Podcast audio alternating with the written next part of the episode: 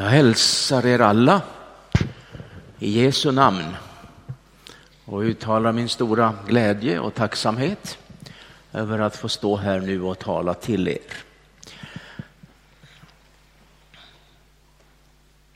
Himmelske Fader, jag ber dig från djupet av mitt hjärta att du som är uppenbarelsens Gud ska komma oss riktigt nära och uppenbara dina rådslut.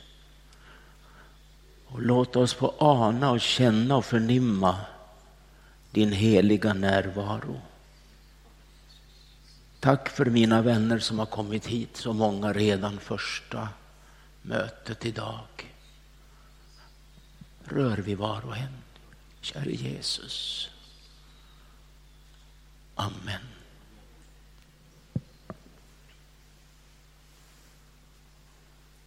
Vi läser i Jesu namn i Matteus evangeliet kapitel 7. Igår läste vi kapitel 6 och det är fortfarande bergspredikan. Från den sjunde versen. Bed och ni ska få. Sök och ni ska finna. Bulta och dörren ska öppnas för er. Var och en som ber, han får. Och den som söker, han finner. Och för den som bultar ska dörren öppnas. Vem bland er ger sin son en sten när han ber om bröd? Eller en orm när han ber om fisk. Om ni som är onda förstår att ge era barn goda gåvor, hur mycket mer skall då inte er fader i himlen ge det som är gott åt dem som ber honom. Amen. Vi befinner oss fortfarande i bergspredikan. En av Jesu mest kända predikningar som vi har i Bibeln. Och han undervisar en del om bön. Och som jag sa igår så har vi bönen Fader vår i det förra kapitlet, det sjätte. Och det började nog inte så långt jag förstår som att Jesus ville ge dem en bön att så att säga läsa och följa ordagrant, utan det var ett koncept för hur man ska förstå och även undervisa om kristen bön. Men vi tackar Gud för att det konceptet och den undervisningen blev också till en bön som har välsignat oss och hjälpt oss så väldigt mycket och som beds i alla kristna traditioner i olika fromhetsriktningar över hela världen. Och den bönen måste vi för att förstå den dela upp den i två delar. Och jag säger det därför att den här lilla versen och sammanhanget handlar nämligen om just precis det Jesus lär oss i bönen Fader vår. Bed och ni ska få. Sök och ni ska finna. Bulta och dörren ska öppnas. Och den första delen i Fader vår, den handlar uteslutande om Gud. Där finns ingen bedjare, inga böneämnen, inga bönebegär. Bara Gud. I den andra delen finns dessa personliga pronomina som vi och vårt och oss. Där finns bedjarna och där finns böneämnena som om du tittar noga på det, vilket vi inte ska göra nu för det ligger inte i mitt ämne riktigt, så täcker det in de stora och väsentliga frågorna som rör det mänskliga livet. Om vår mat, vår ledning av Gud, eh, frestelse från allt det som är ont etc. etc. Så är allt det presenterat i del nummer två. Och den bedjare som har så bråttom att få bönesvar och så ivrig att framställa sina begär hos Gud så man hoppar över den första delen kommer förmodligen att misslyckas med sin bön. Kommer förmodligen kommer den bönen att vissna innan man ens har kommit till amen.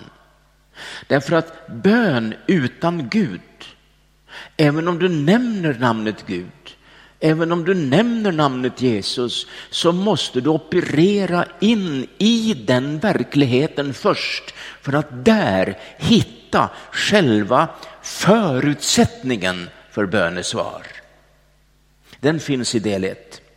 Och då är det så gripande att den Gud vi ber till och den Gud vi söker och den dörr vi upp, knackar på så att den ska öppnas in i Gud, den bönen presenterar Gud som vår far.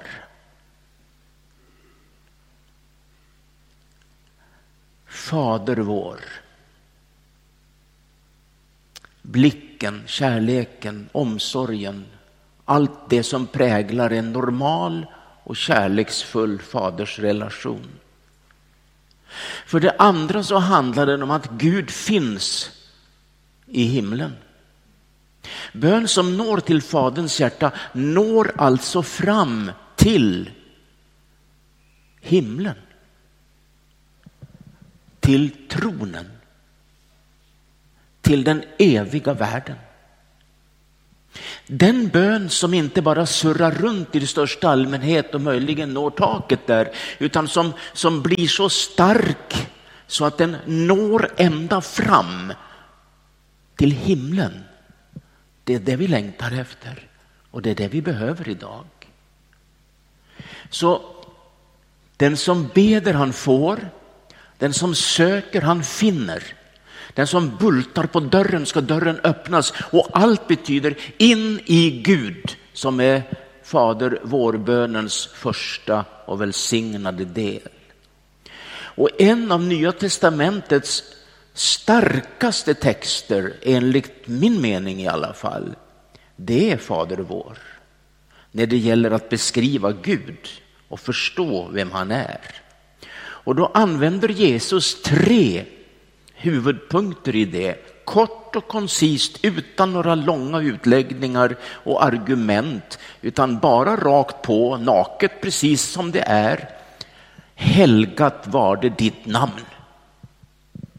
Där har du det. Det är nummer ett. Tillkommer ditt rike. Det var nummer två. Ske din vilja på jorden så som den sker i himlen. Det är nummer tre.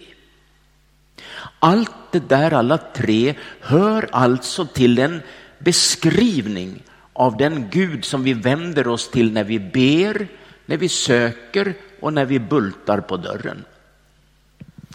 Att Gud har ett namn som ska helgas, det innebär att Jesus då berör den gudomliga identiteten.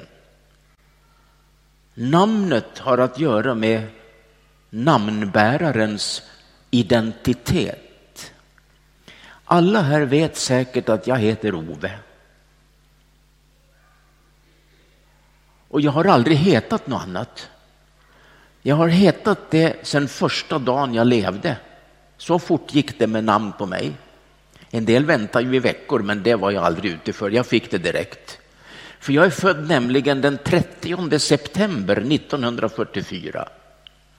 Då var det ransonering på mat. Jag tror mig veta, även om jag inte kunde förstå det då, att de hade någon slags bok eller något och så stämplade de och så fick de köpa ett visst antal av, det som man skulle köpa på affären. Eh, för det var, eh, det var krig i Europa och Sverige kunde inte få in allt och det var alltså ransonering. Och jag föddes då precis den sista dagen i september.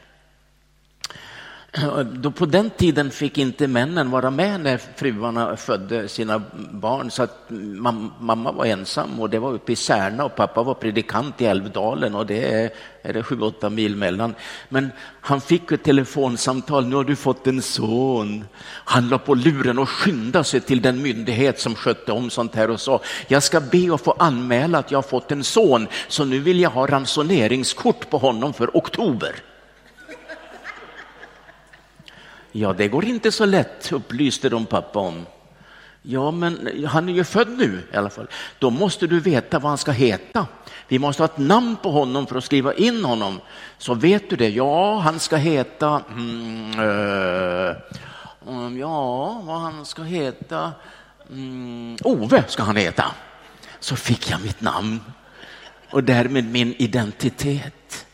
Och vet ni vad han fick för någonting på mitt, min identitet under oktober månad? Kaffe. Jag hade inget behov av kaffe när jag var en månad gammal kan jag säga. Men jag bjöd dem på det. Namnet har att göra med identiteten.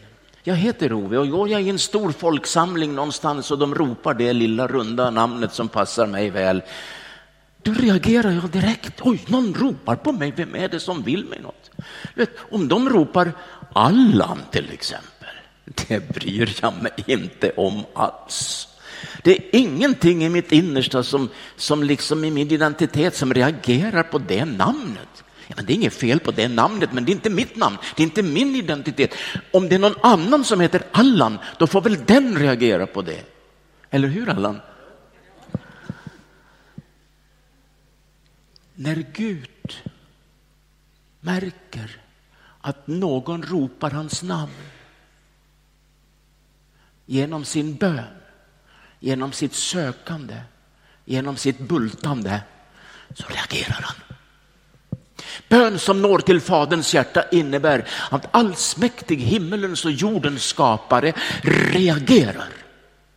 Precis som Jesus gjorde i evangeliernas berättelse om en kvinna som hade blodgång och hon blödde så hon var fruktansvärt sjuk. Men hon hörde att Jesus skulle komma till staden så sa hon till sig själv, jag måste bara gå dit. Jag har inga krafter, jag orkar inte, men jag går i alla fall, för det är min enda räddning. Och när hon kom till Jesus så kom hon inte fram för det var massor med karar runt omkring. Det var lärjungar och fariseer och skriftlärda och alla var manfolk. Och hon kom inte fram förstår du, för att karar är som regel i alla fall tjockare runt midjan än vad de är nere vid vristen. Så hon valde vristen. Så hon böjde sig ner och åkte någon slags salom mellan alla sandaler som fanns där. Det var enda chansen för henne att komma fram till Jesus och då hade hon positionen vid Jesu fötter. För där hängde hörntofsen.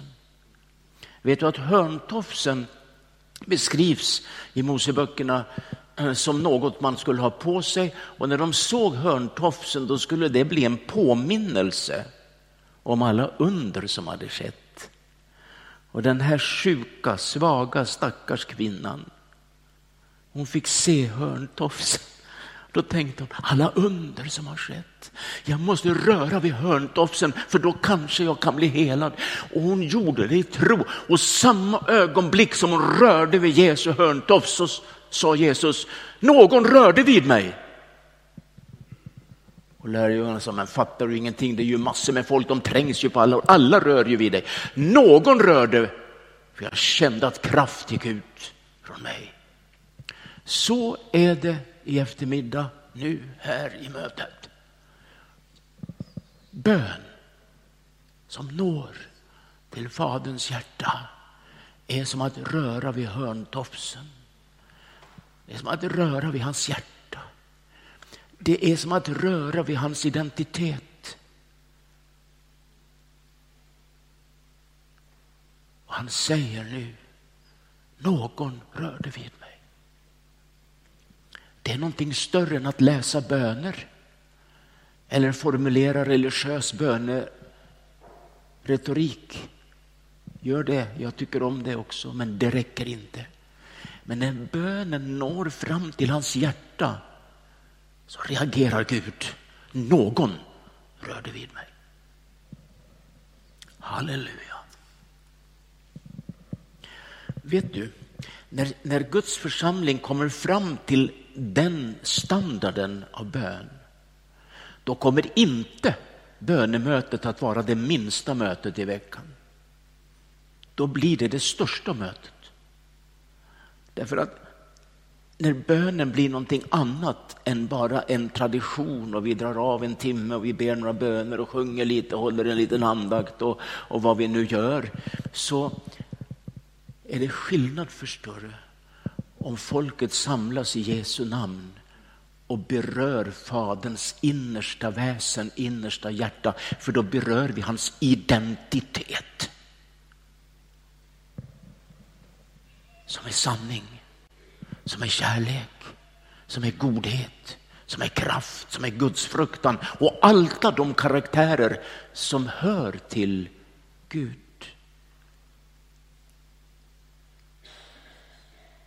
Och då går vi tillbaka till den här versen i kapitel 7. Bed så ska du få. Det är ett löfte. Här handlar det om bön där du ber om något konkret och du kommer att få det konkreta om du når fram till Faderns hjärta alltså. Då gäller löftet. Om du tar Gud på allvar i din bön om du räknar med Gud och litar på Gud mer än på din bönetradition eller dina böneord eller din böneställning. Det vill säga en del säger att man absolut måste böja knä och det tycker jag vi har missat på, i många kyrkor nu. Det hade vi förr och det är väldigt fint att böja sina knän och bedja. Och andra säger att man ska sitta, för det gjorde de på pingstdagen, så alla måste sitta. Då gör man läror av allt möjligt och det är så tokigt. Jag, jag för min del älskar att gå och be. Jag gör bönepromenader och då får inte Ann-Britt följa med, annars går vi tillsammans mycket och då pratar vi med varann och det är inte dumt det heller. Men när jag går själv då blir det bönepromenader och då ber jag hela tiden. Och då svarar Gud ibland. Halleluja. Jag har fått många av mina predikningar under en böneperiod eller bönevandring. Då får jag inte alla detaljer utan jag får embryot, jag får ämnet, jag får infallsvinkeln och så får jag gå hem och arbeta och så en ny promenad och så blir det någonting annat. Och det var så intressant när jag skrev min bok som ligger här ute som heter Mateva, som ju faktiskt är en roman. Så är den ju verklighetsbakgrund i den för att de där flickorna på hemmet Rut, de har den där storyn med lite olika variationer förstås, men, Eh, men det är en summa av mångas vittnesbörd. Och då kom jag till punkter i skrivandet och tänkte vad ska jag skriva nu? För nu, har jag ingen, nu, måste jag, nu måste jag som författare också få låta det flöda för att få en, få en, en, en, en bra story av det hela. Och så gör man just när det är romaner, men man måste ha en verklighetsbakgrund. Då tog jag en lång bönepromenad och så sa jag till Gud, Gud du vet ju hur det gick för Matteva redan, du vet ju hur det slutar, visa mig då så jag vet vad jag ska skriva. Och då fick jag idéer och, och så gick jag hem och skrev innan jag glömde det. Amen. Amen. Oho. Visst är det härligt att bön som når till Faderns hjärta, det är bön om något konkret, hur jag ska skriva en bok eller hur jag ska sköta ett själavårdssamtal som kan vara jobbigt och svårt eller, eller något i familjen som du känner för eller på jobbet eller tusen varianter. Du får be om vad du vill och komma till Gud med det i din bön. Och om du hamnar i den första delen av Fader vår, då är hela den gudomliga fullheten given till dig som en väg in i Gud för bönesvar. Bed och du ska få. Ty, nästa vers, den som beder, han får. Lägg märke till att det är pågående. Den som bad står det inte, den som beder. Vi håller på, vi lever i bönens dimension hela tiden. Och så det andra. Sök så ska du finna.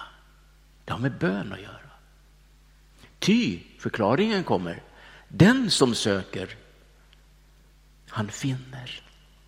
Och de tänker kanske någon som så att ja, men det där måste vara till ofrälsta som inte har funnit den. De måste söka Jesus och finna honom och det är ju helt sant. Eller hur? Visst är det korrekt? Men att finna Jesus som sin frälsare, det är att finna huset. Och så går vi in i huset, vi går över tröskeln och kommer in. Då har vi funnit Jesus och då står vi där i farstun, eller hur? Och den som är nöjd att leva sitt liv i en farstu, den kan ju stanna där och vara frälst. För då är man ju frälst i farstun, eller hur? Och då har du ett underbart liv där i farstun. Du ser hatthyllan där och, och du, du ser en byrå där lite handskar och sånt finns. Och så, och så lever du ett härligt liv med Jesus i farstun. Det är den där äh, förs, hatt, eh, heter det, farstuförsamlingen kan vi kalla den för. Och de är härligt frälsta, det är inget fel på deras frälsning, men de är där och kommer ingen annanstans.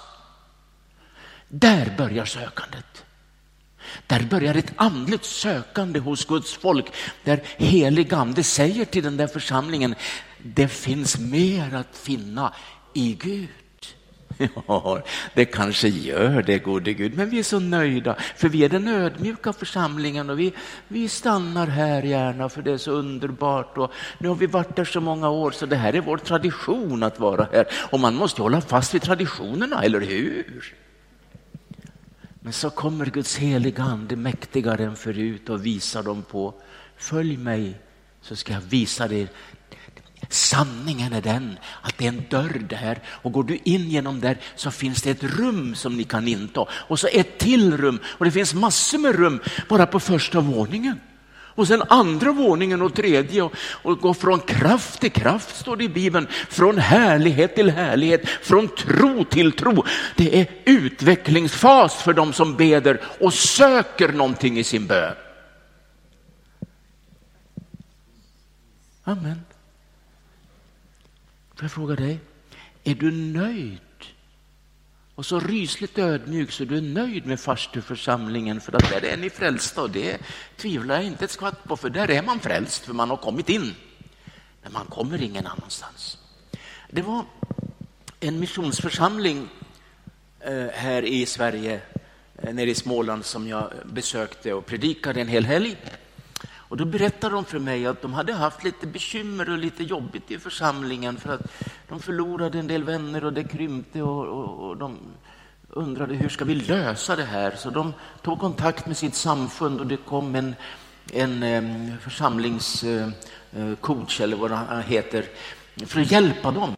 Och efter många samtal så kom den där mannen fram som kom dit att det finns ett problem som ni måste lösa här för att komma vidare. Ja, men vad är det då? frågade ledningen.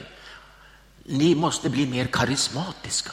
Ni måste öppna upp mer för Gud, sa den där missionaren. Och tack och lov för sådana missionare och pingstvänner förstås och baptister och allt vad de heter.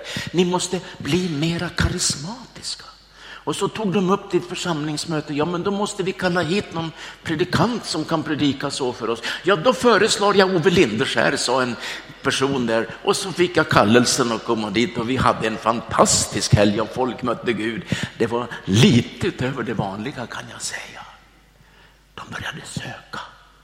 De hade Jesus, men nu var de inte nöjda bara med Jesus. De måste ha mer. De började söka och så, och så fick de hjälp av en tjänstegåva från sitt eget samfund som visade på bristen. Och nu brann de i den där församlingen för andens nådegåvor och, och det var väldigt fint att vara där. Nu talar jag till en församling som jag tillhör och som jag uppskattar mycket. Och du som kommer från andra kyrkor, du får tänka på ditt sammanhang nu. Vad skulle hända, tror ni, om bönen i vår församling inte bara skulle stanna vid att be om något konkret, för det gör vi ju, utan bönen lite mer skulle vara den sökande bönen som orienterar mig och söker mig djupare in i Gud. Men om man har den synen att detta är en pingstförsamling, här har vi det rätta dopet och här har vi, här har vi den bibliska församlingen, så här har vi allt, så det betyder att du har inget mer att söka, för det är redan klart. Då är du beklagansvärd. Också en församling som tycker sig ha bibliska lösningar på det mesta måste söka Gud hela tiden, för gudsmötet är färskvara. Det måste ske varenda dag. Gammal mjölk vill du inte ha.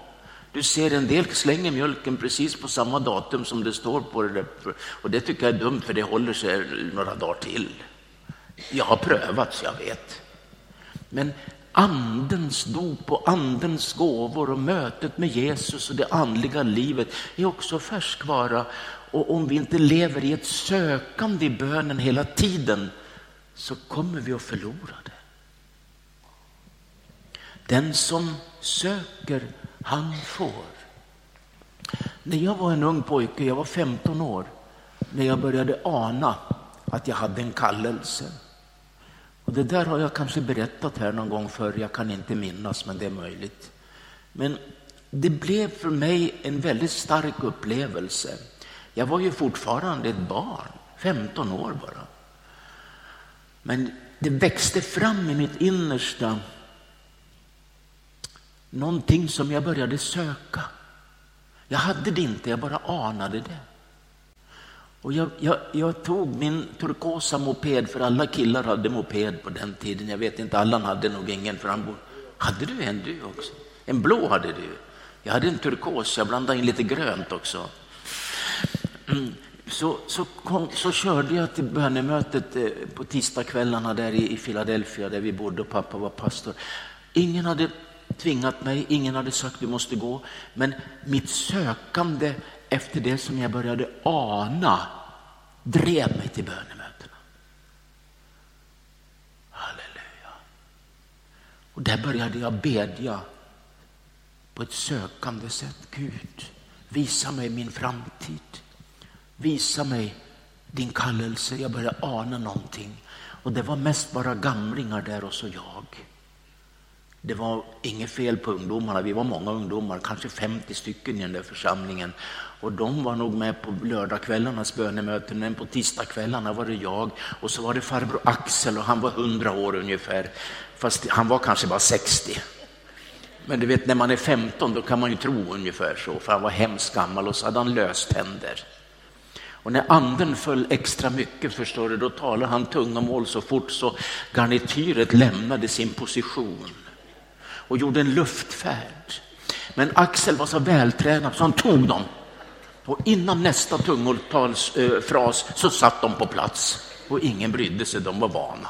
I den där folkliga och märkvärdiga och märkliga miljön, där sökte jag Gud för mitt liv. Min bön blev en sökande bön.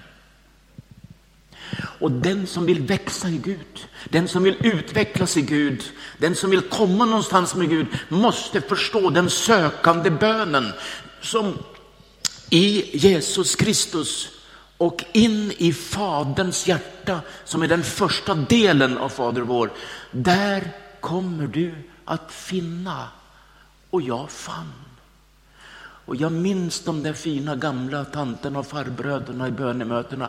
De bad för mig. Och en och annan profetia fick jag också. Och jag kände, här bland de här äldre, här trivs jag, här vill jag vara. För jag kände att det var en andens dynamik där. Men du ska veta en sak. Jag var inte ett dugg andligare än de andra ungdomarna. Jag hade moped precis som alla killar. Och det var en del fina flickor där i församlingen och jag var 14-15 år. Och, och, och, när man är i den åldern så, så är man ju väldigt udda om man inte märker sånt. Och jag märkte det. Men problemet var att Ambrit var inte en av dem, så det, var, det, blev inget med något sånt, utan det blev ju senare när jag träffade henne. För jag sökte också i den saken och, och så fann jag henne. Och det var väl tur det att jag väntade så länge.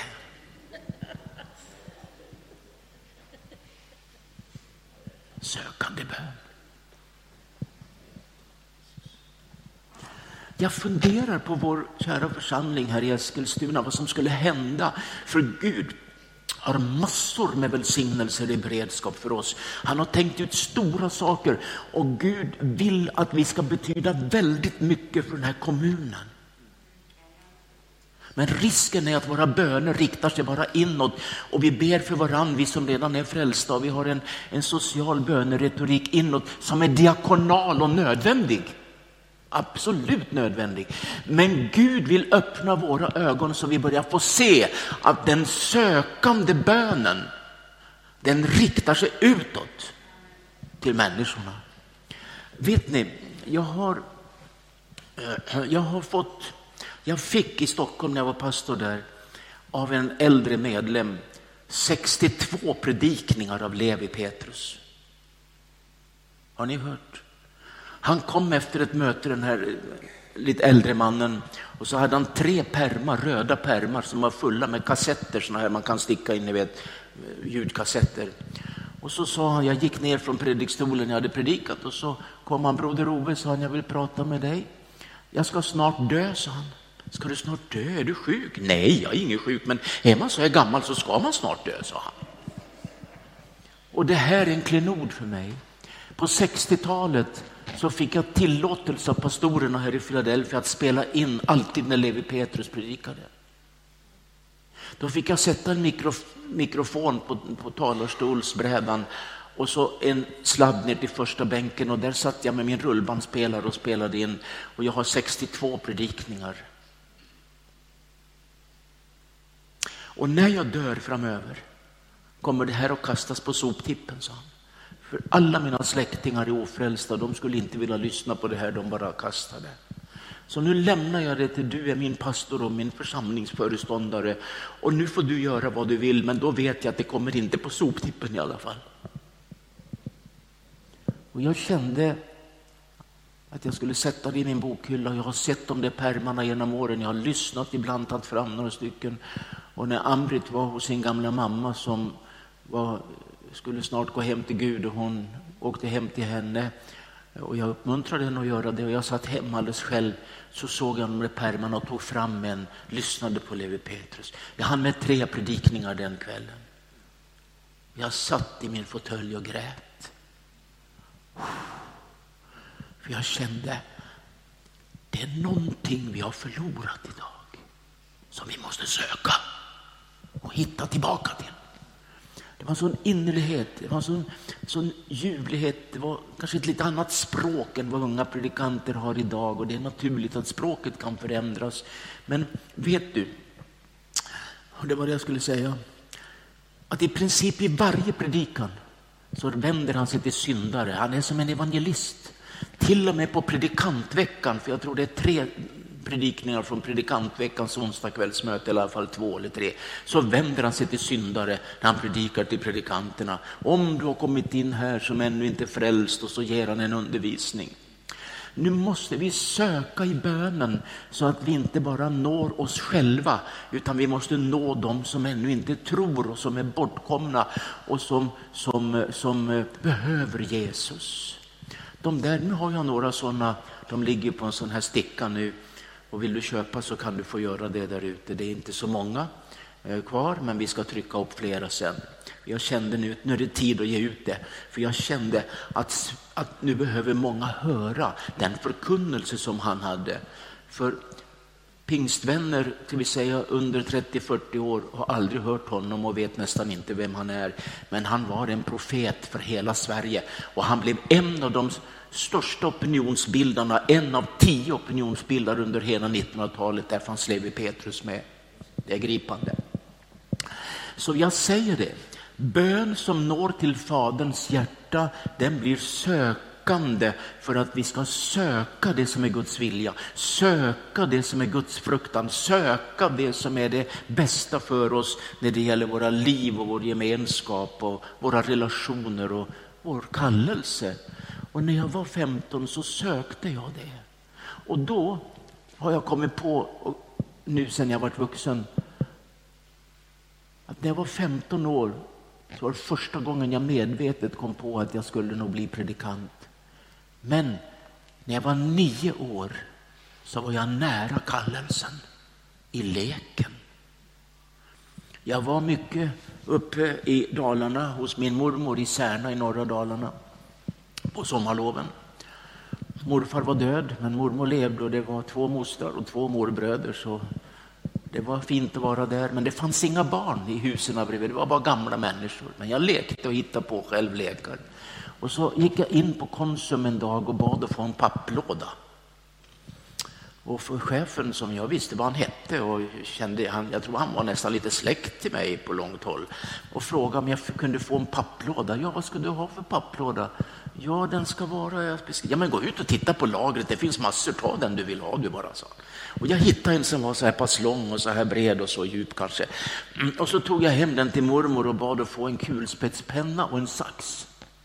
Och av den där lådan gjorde jag en amerikansk bil av märket Buick, eller Buick. Stämmer det? Ska man säga Buick? Ja, Buick, ja, du, du är hemma på det området, jag vet det. Och du vet kanske då också att första gången de hade V8-motorer, det var 54. Innan dess hade det varit mindre motorer. Så den jag gjorde, det var en 54 års modell med stor motor. Och så klippte jag ut en vindruta på gaveln så där på lådan. Det var framrutan. Och en lite mindre bak, för så var det 1954. Och under vindrutan bak så, eh, så fick jag en tom skokartong av mormor.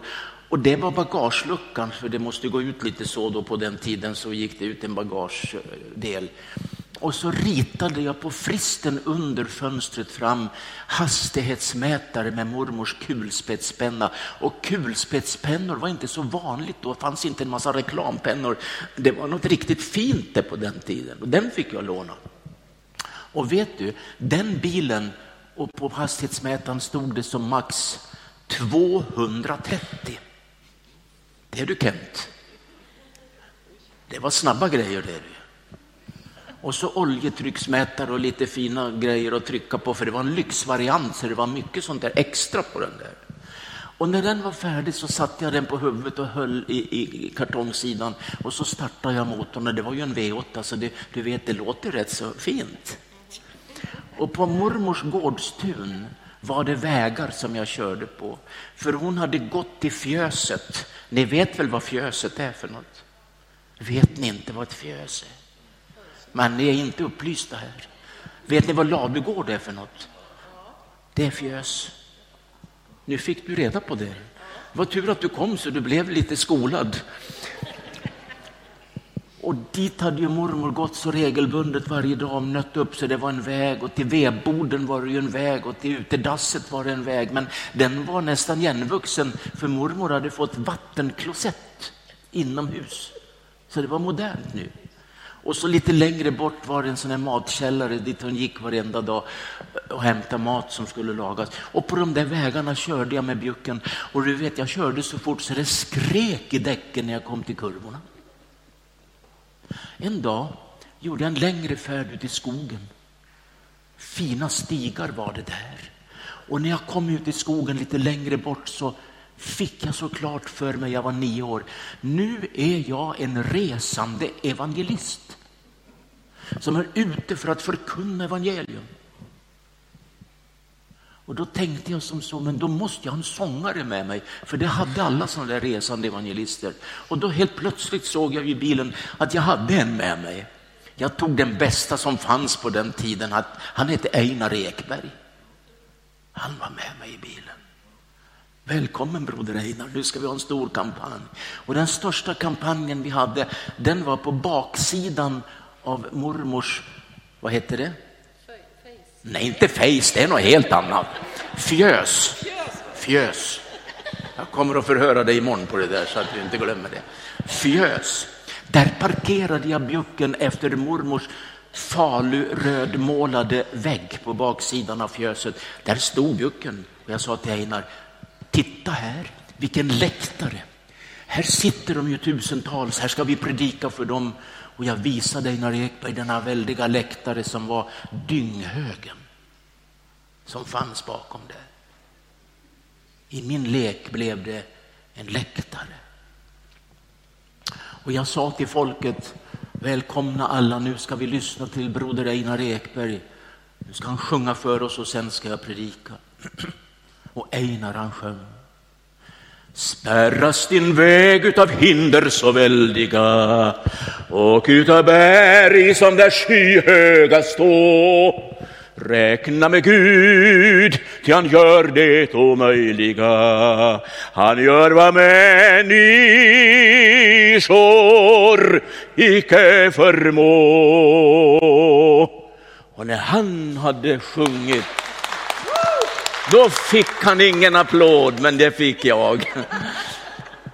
Och så predikade jag. Och vet du vad jag minns? att jag höjde min röst extra mycket för släktingarna som bodde nära bakom ett staket bakom fjöset. De skulle höra det. Jag vet inte om de hörde det, men det var min tanke.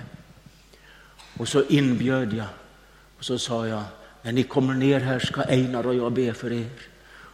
Och de strömmade ner. Och så satte vi oss i bjucken för att åka till nästa kampanj och jag sa till Einar, det här var den största kampanjen vi kommer att ha, vad fantastiskt.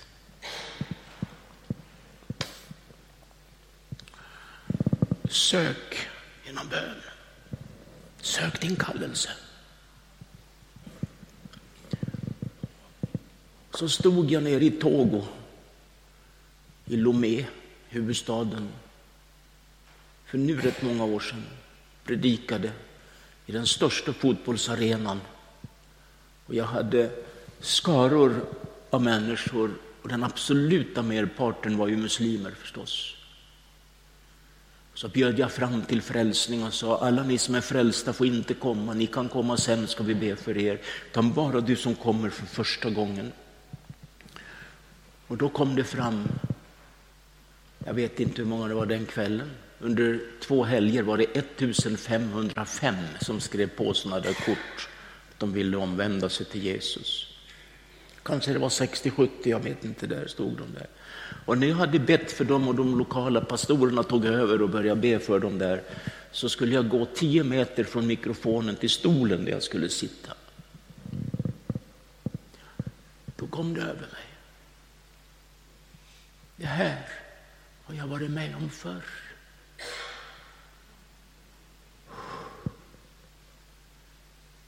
så kämpade jag med tårarna. Bakom mormors fjös. Där var jag med om. Den som söker Gud, söker sin kallelse, sitt ursprung som har med kallelsen att göra, sitt djupare liv i Gud. Och när du sen är med om det, så kan du känna igen det till och med från barndomen. Då leken, som är naturligt för en liten pojke på nio år, då är det naturligt att leka. Men leken gick över till allvar. Och när jag stod där framför dynghögen och predikade, då var det på riktigt. Det var den riktiga heliga anden som var över mig. Fast det var på lek. Halleluja.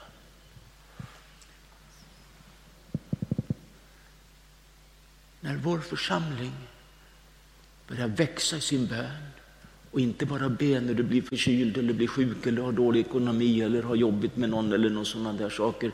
Så det är den första delen, bara be så ska du få. Utan du vågar fortsätta.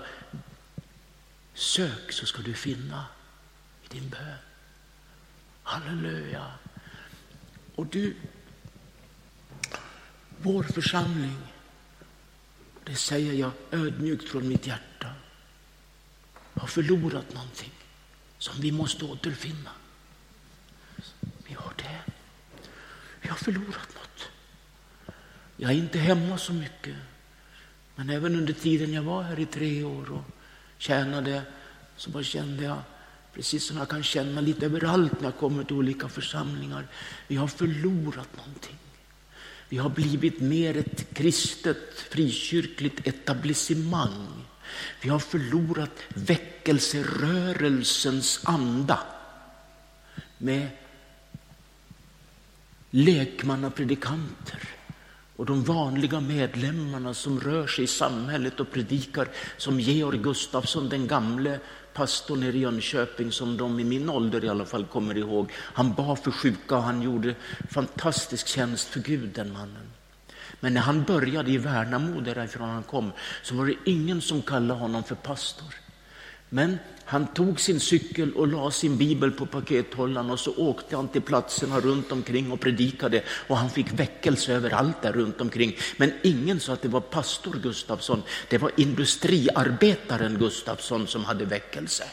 Och jag drömmer om att industriarbetare och ingenjörer mm, och bagare och lärare och allt vad ni kan vara ska få söka Gud nu i bönen så att ni förlöser det som Gud vill med församlingen. Och då är det alltid med medlemmarna. Det är inte bara ledningen, inte bara pastorn. Det är vi alla som ska få komma in och då kanske också ledarskapet i pingströrelsen och alla samfund och även lokala församlingar måste förstå att lyssna till dem som söker. För de kanske hittar någonting som ledarskapet behöver. Amen. Och sen till sist, bulta ska dörren öppnas slå på dörren. Och så finns det olika ingredienser och jag har ett helt kapitel om det i min bok. Olika böneingredienser. Jag talar om bön för att få. Jag talar om åkallan. Det är böneformen när jag har nöd. Då ropar jag ut min nöd. Det är lovprisningar, en böneform. Lovsång kan aldrig få bli en musikalisk genre, för det är en böneform som man har gjort om nu så att det är en musikstil istället och det är fel. Böneformen att lovsjunga Gud, den ska vi ha i himlen i evigheters evigheter. Och därför kan inte jag förstå hur man kan ha lovsångskonserter. För då ska man ha lovsång till människor, till en publik som älskar det. Lovsång kan bara sjungas till Gud, inte till en människa. Och man kan inte åkalla en människa och tillbedja en människa och inte lovsjunga en människa. Utan allt sådant riktas till Gud och så når vår lovsång ända fram till tronen. Och där ute för dig som vill fördjupa dig har två cd-skivor om lovsång som kan vara dig till hjälp för att förstå den här andliga sidan av lovsång. Bulta det är åkallan. Du ropar ut din nöd, din förtvivlan kanske. Du gråter och du bara bultar, slår på dörren. Och för den som bultar i den undervisning som finns i kontexten där i det sjunde kapitlet och även det sjätte, så ska dörren öppnas.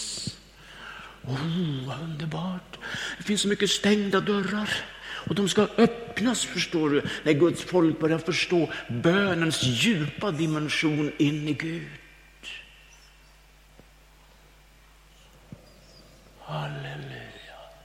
Jag kan bara få vittna om det, att när vi slutade som pastorspar i Philadelphia, Stockholm, och jag sa jag ska ut och resa, jag ska bli resande evangelist, så var det faktiskt en del som tyckte att jag var helt konstig. Hur kan du lämna en sån position som du har av föreståndare i den största församlingen? Jag har aldrig bett att få några positioner, berättade jag. Det enda jag vill bevara det är smörjelsen från Gud. Positioner kan vi gå in i om Gud kallar oss, men då kan vi gå ut ur dem också när det är Guds tid att vi kan lämna det och så får vi gå in i något annat som Gud har. Och när vi startade den här föreningen på församlingsledningens förslag i Philadelphia, Stockholm, för det var de som föreslog det, att det var ett bra sätt för oss, så har vi bultat många gånger, särskilt i början.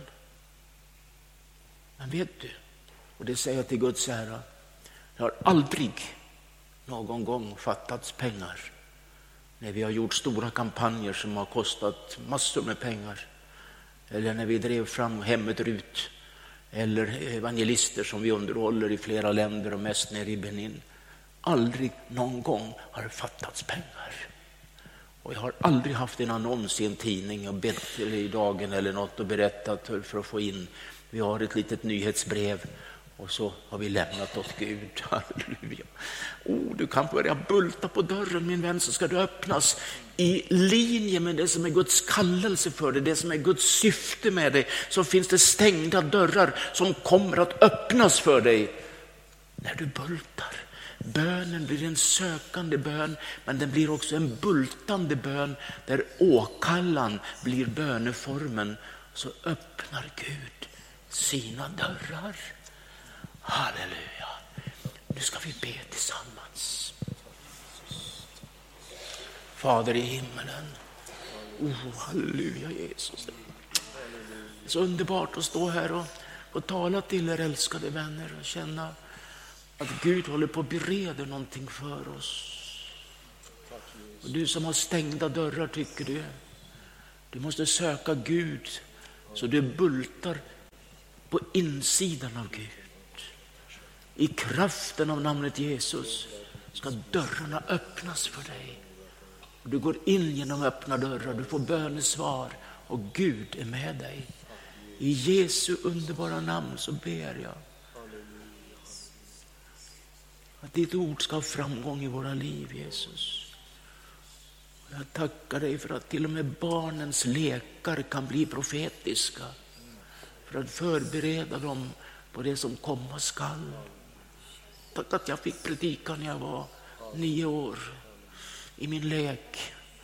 Och jag förstår att det var din helige ande som redan där lät mig få bulta fast jag inte begrep det då.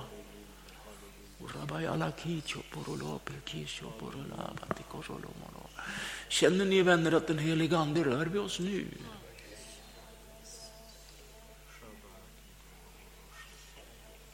Åh, oh, halleluja. Det sker underbara ting nu.